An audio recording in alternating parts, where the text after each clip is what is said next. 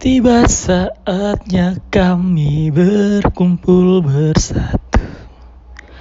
Dari setiap suku dan bangsa. Berdiri di hadapan tata anak domba. Satu suara Menyatakan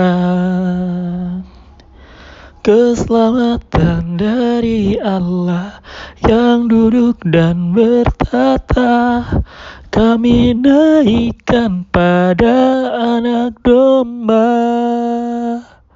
Pujian dan kekuatan, hormat dan kekuasaan, kemuliaan bagi dia selamanya.